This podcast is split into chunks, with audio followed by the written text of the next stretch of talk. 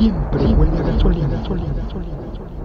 Has sido tú, te crees que no te he visto. Has sido tú, chica corrido. Has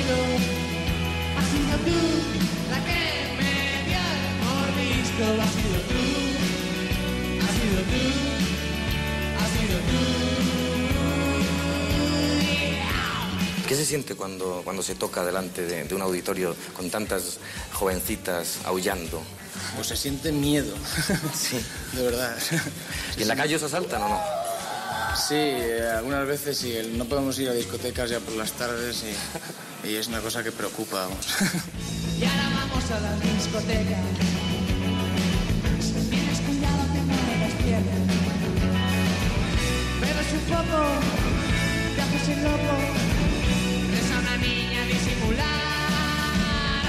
Repente esto nos explotó en la cara y, dijimos, joder, ¿sabes? Hicimos la canción de las chicas cocodrilo un poco para reírnos de eso, ¿no? Porque realmente nosotros nunca hab- habíamos sido los guapos del barrio, era la verdad, ¿no? Entonces todo como que nos vino todo de sopetón y fue como tan deprisa y tan y tan difícil de digamos de asimilar que simplemente nosotros nos dejábamos llevar, ¿no?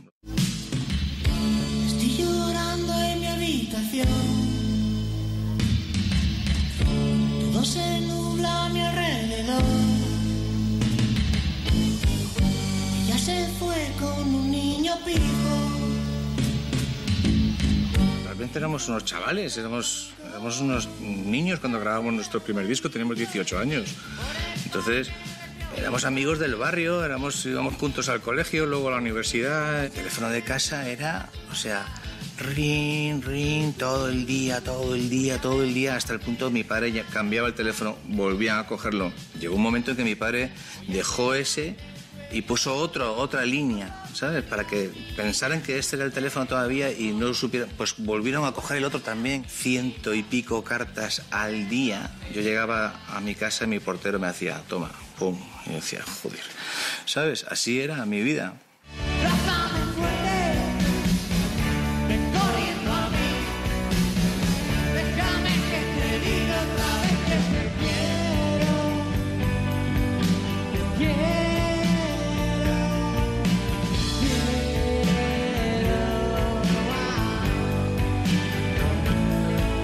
Cuando empezamos nadie daba ni un duro por nosotros. Nosotros sacamos Sufre Mamón porque, porque Paco Martín invirtió un millón de pesetas, ¿sabes?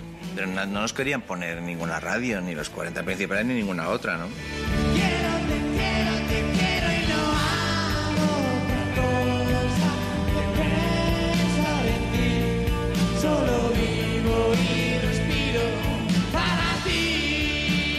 Yo siempre he tenido mucha confianza en que una canción buena se abre camino a pesar de las dificultades.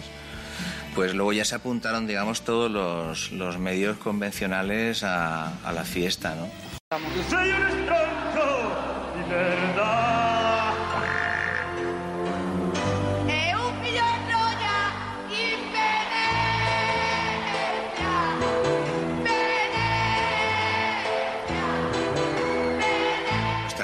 Era una anécdota constante. Salíamos de los hoteles escoltados con, una- con un equipo de seguridad que iban armados hasta los dientes, nos metían en carros blindados, nos llevaban por la ciudad metiéndose por calles prohibidas como si fuéramos el presidente. O sea, eh, teníamos un tipo de escolta a nivel presidencial.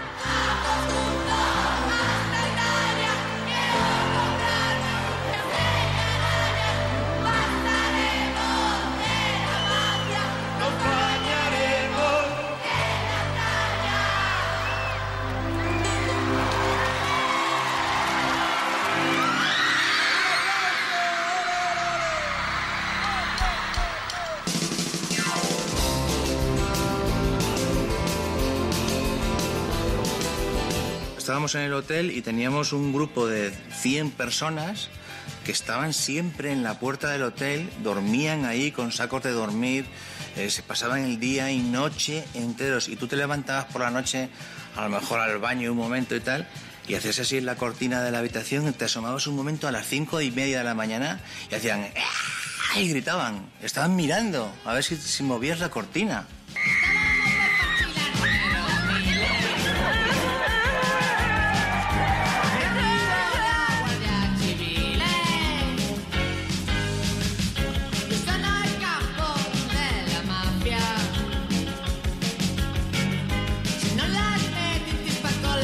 Entraban los de seguridad en la habitación, miraban debajo de la cama los "Ah, venga, pasa. pa".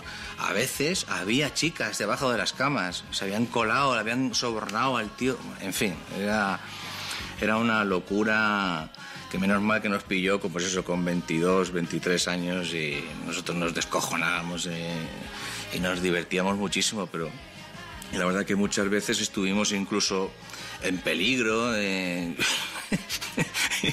y jugándonos la vida ahí eh, a lo tonto, ¿no?